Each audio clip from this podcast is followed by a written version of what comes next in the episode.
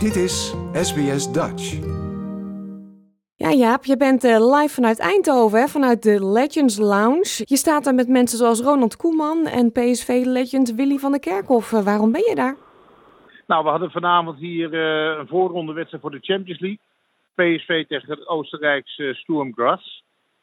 heel belangrijk voor PSV, want plaatsen voor de Champions League houdt in dat er tussen 30 en 40 miljoen euro, wat ongeveer ja, 45, 50 miljoen US dollars extra inkomsten betekent. En nou ja, wat dat betreft hebben we hier een hele leuke wedstrijd gezien. Waarbij je bijna denkt dat PSV geïnspireerd is door, door Oranje Leeuwinnen. Want het was heel gedurfd, heel aanvallend. Met een echt een knetterende uitslag, een 4-1 overwinning. Waardoor ze met 1-1 in de laatste kwalificatie konden zitten. En dat is tegen Glasgow Rangers of Servet uit Zwitserland. Maar de manier waarop ze vanavond voetbalden was echt heel bijzonder. En ik zat naast de bondcoach Ronald Koeman. We hebben samen naar de wedstrijd gekeken. Ja, die was ook heel positief. En uh, nou ja, goed, uh, we zagen de parallellen met het, uh, met het vrouwenteam. Ja, is hij ook onder de indruk van de dames? Nou, vooral de manier van voetballen. Ronald Koeman probeert natuurlijk met het Nederlands elftal een speelstijl te ontwikkelen die wat dichter richting de Hollandse school uh, gaat. Weet je. En nou heeft Andries Jonker natuurlijk uh, vult de buitenspelers iets anders in als Peter Bos bij PSV doet. Bij uh, de Oranje Leeuwinnen zie je dat, dat de backs, uh, Palova en Brugs, een beetje de, ook de posities aan de, aan de buitenkanten innemen. Terwijl PSV met twee klassieke buitenspelers opereert en een echte middenvoor. Nou goed, dat hebben we aan het begin van van onze cyclus hebben we, dat, uh, hebben we het daarover gehad. Van, ja, uh, waarom hij Fenna Kalma een echte middenvoor niet gekozen heeft. Een type Luc de Jong, zoals naam bij PSV, die er over twee keer scoorde. Maar goed, uh, André Jonk heeft laten zien dat het ook op zijn manier gewoon heel goed werkt. Want omdat hij er wel in geslaagd is om van de startpositie met vijf verdedigers in balbezit naar drie verdedigers en vijf middenvelders te gaan die heel uh, goed de ruimtes voorin benutten, wordt het ook heel aantrekkelijk. Dus je ziet dat de, de leiden toch meer wegen naar uh, Rome. En je komt dan toch, wat we in de eerste uitzending al aangaven, totaalvoetbal is niet direct 4-3-3 of 4-4-2, maar meer het benutten van de ruimtes. En of je dan de manier waarop André Jonker doet, of de manier waarop Peter Bos het nu probeert de PSV, het kan werken en het is voor het publiek heel leuk om te zien. En daar gaat het uiteindelijk om, maar de klant is koning. Ja, en uh, winnen, winnen, winnen. En dat doen ze. 2-0 tegen Zuid-Afrika. Het was niet heel gemakkelijk, hè? Nee, maar dat was, ik moet eerlijk zeggen, um, de wedstrijd tegen Amerika was echt een battle. De wedstrijd tegen Vietnam werd heel goed, was nog een beetje vanuit de inspiratie, zelfvertrouwen. Wat ze opgedaan hadden tegen Amerika van jeetje, dit kunnen we ook. We zijn partij tegen eigenlijk het beste voetbalteam van de wereld. Dat ze dat meenamen de wedstrijd tegen Vietnam. Dan begin je als favoriet tegen Zuid-Afrika. Wat heel fel en, en eigenlijk een heel hoog tempo uh, hanteerde. En ik denk dat ze daardoor daar toch een beetje door verrast werden. Als je dan toch uh, uiteindelijk het over de streep kunt trekken, dan zegt dat ook wel wat. Want je hebt dan, dat je gewoon analyseert, heb je dus tegen Amerika een echte uh, gevecht gehad. Tegen Vietnam moest je met wit spelen en moest je erop en erover, dat lukte ook. En nu werd je eigenlijk verrast door een tegenstander met extreme fysieke mogelijkheden. Ze bleven gaan, die Zuid-Afrikanen. Ook nog een keer heel snel. En daar kom je dan ook uit. Het feit dat je dus uit iedere situatie toch een oplossing weet te vinden, dan dat geeft de burger moed. Nou, alle kwartfinalisten zijn inmiddels bekend. Nederland uh, vrijdag tegen Spanje. Wat denk jij?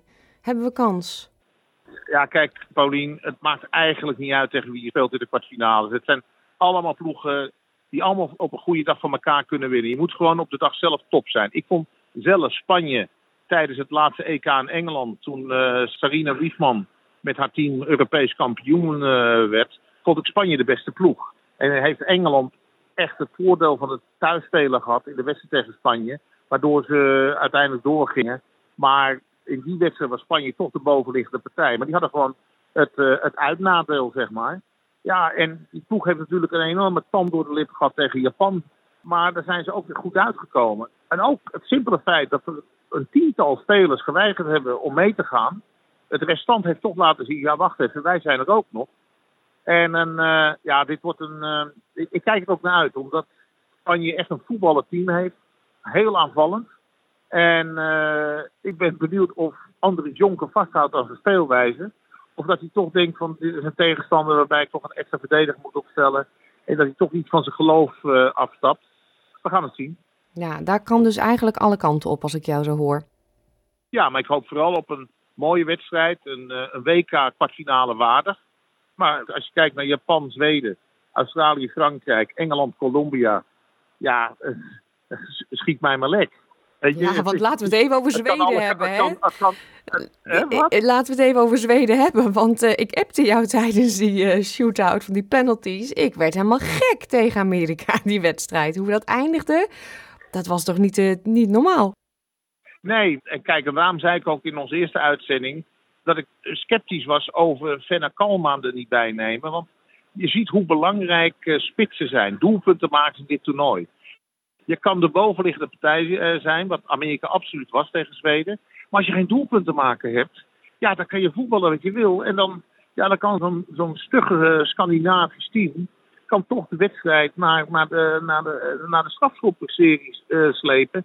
Ja, en dan wordt het een soort veredelde Russische roulette, wat het nu ook werd.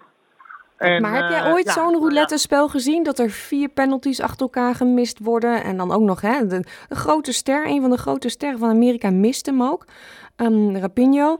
Um, en dan ook nog die ja. laatste waardoor Zweden wint. Nou. Ja, nou ja, het, het, het, het, past bij dit WK. En ik moet je eerlijk zeggen, er kan ook echt uh, vraagtekens achter het beleid van, van uh, de FIFA worden gezet. Want ik zit vanavond bij een wedstrijd die aangeeft dat het nieuwe seizoen begonnen is. Terwijl het oude seizoen nog twee weken in Australië doorgaat. Dus FIFA en de UEFA zijn erin geslaagd om een voetbalseizoen van 13 maanden te creëren. En je ziet ook met de favorieten, ja, er zijn heel veel blessures. Spelers zijn niet echt fit. Uh, wat dat betreft kan je toch ook een compliment aan, uh, aan André Jonker geven. Dat hij toch heel gedoseerd zijn ploeg heeft voorbereid, rekening houdend dat, dat er niet echt goede rust uh, gegeven is aan de speelsters. Waardoor ze eigenlijk na 13 maanden voetbal moeten gaan pieken met een WK-finale. Of een, uh, ja, in ieder geval de eindfase van een WK. Maar ja, dat dit nu gebeurt. Hè, we hebben het natuurlijk ook gezien in, in de nasleep van het WK in Qatar. Dat er een winter-WK was. Dat Real Madrid klapte weg. Bayern München werd op de tandvlees Duits kampioen. Paris Saint-Germain gaf een voorsprong van 15 punten uit handen ja, je ziet nu ook, ik, ik, ik kan het niet loszien van het feit dat ploegen als Amerika en Duitsland en Brazilië zijn uitgeschakeld. Ik heb de play-off van Duitsland heb ik eind mei nog zien plaatsvinden. Weet je, dat, uh, het zijn mensen, geen, uh, geen machines. Nee. Engeland noemde je net ook al, hakken over de sloot. En die treffen Colombia. Ja, Zuid-Amerikanen, uh, zeker een ploeg als Colombia hebben het vermogen. Ik heb het vaak gezien met die uh, wereldbekerwedstrijd tussen de kampioen van Europa en de kampioen van, uh, van Zuid-Amerika. Uh, de winnaar van de Champions League doet zo'n wedstrijd vaak erbij. Maar zo'n ploeg uit Zuid-Amerika, die leeft helemaal naar zo'n wedstrijd toe. Hetzelfde heb ik een beetje het gevoel met Colombia.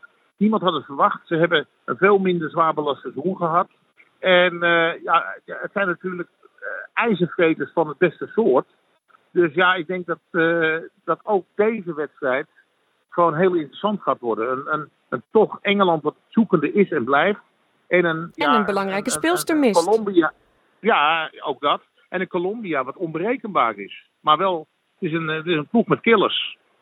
Ja. Gisteravond zagen we Frankrijk over Marokko heen gaan. Echt uh, binnen 20 minuten stond het 3-0 ongeveer.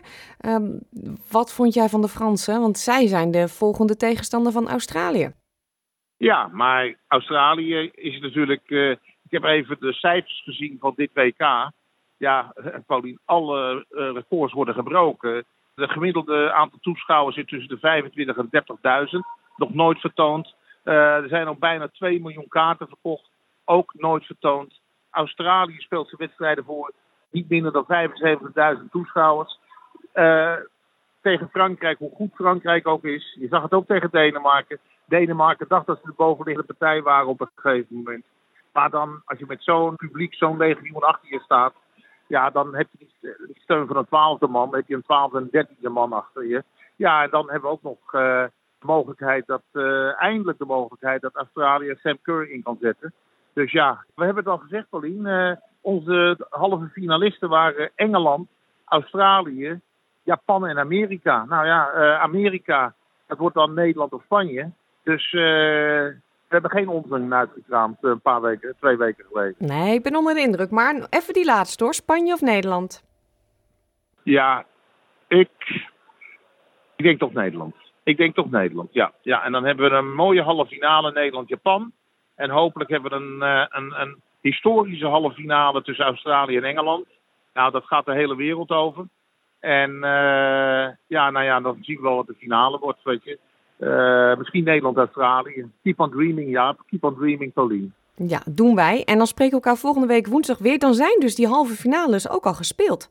Tenminste, de ene, die van Nederland, is, dan, uh, is dan al gespeeld. Als Nederland doorgaat. Ik loop meteen al helemaal op de zaken vooruit, hoor je dat? Ja, nou ja, zet nu maar uh, Walsing Matilda op, dan, uh, dan hebben we het helemaal de cirkel. nou, doen we dat. Dankjewel Jaap en tot volgende week. Tot volgende week, Paulien. Like, deel, geef je reactie. Volg SBS Dutch op Facebook.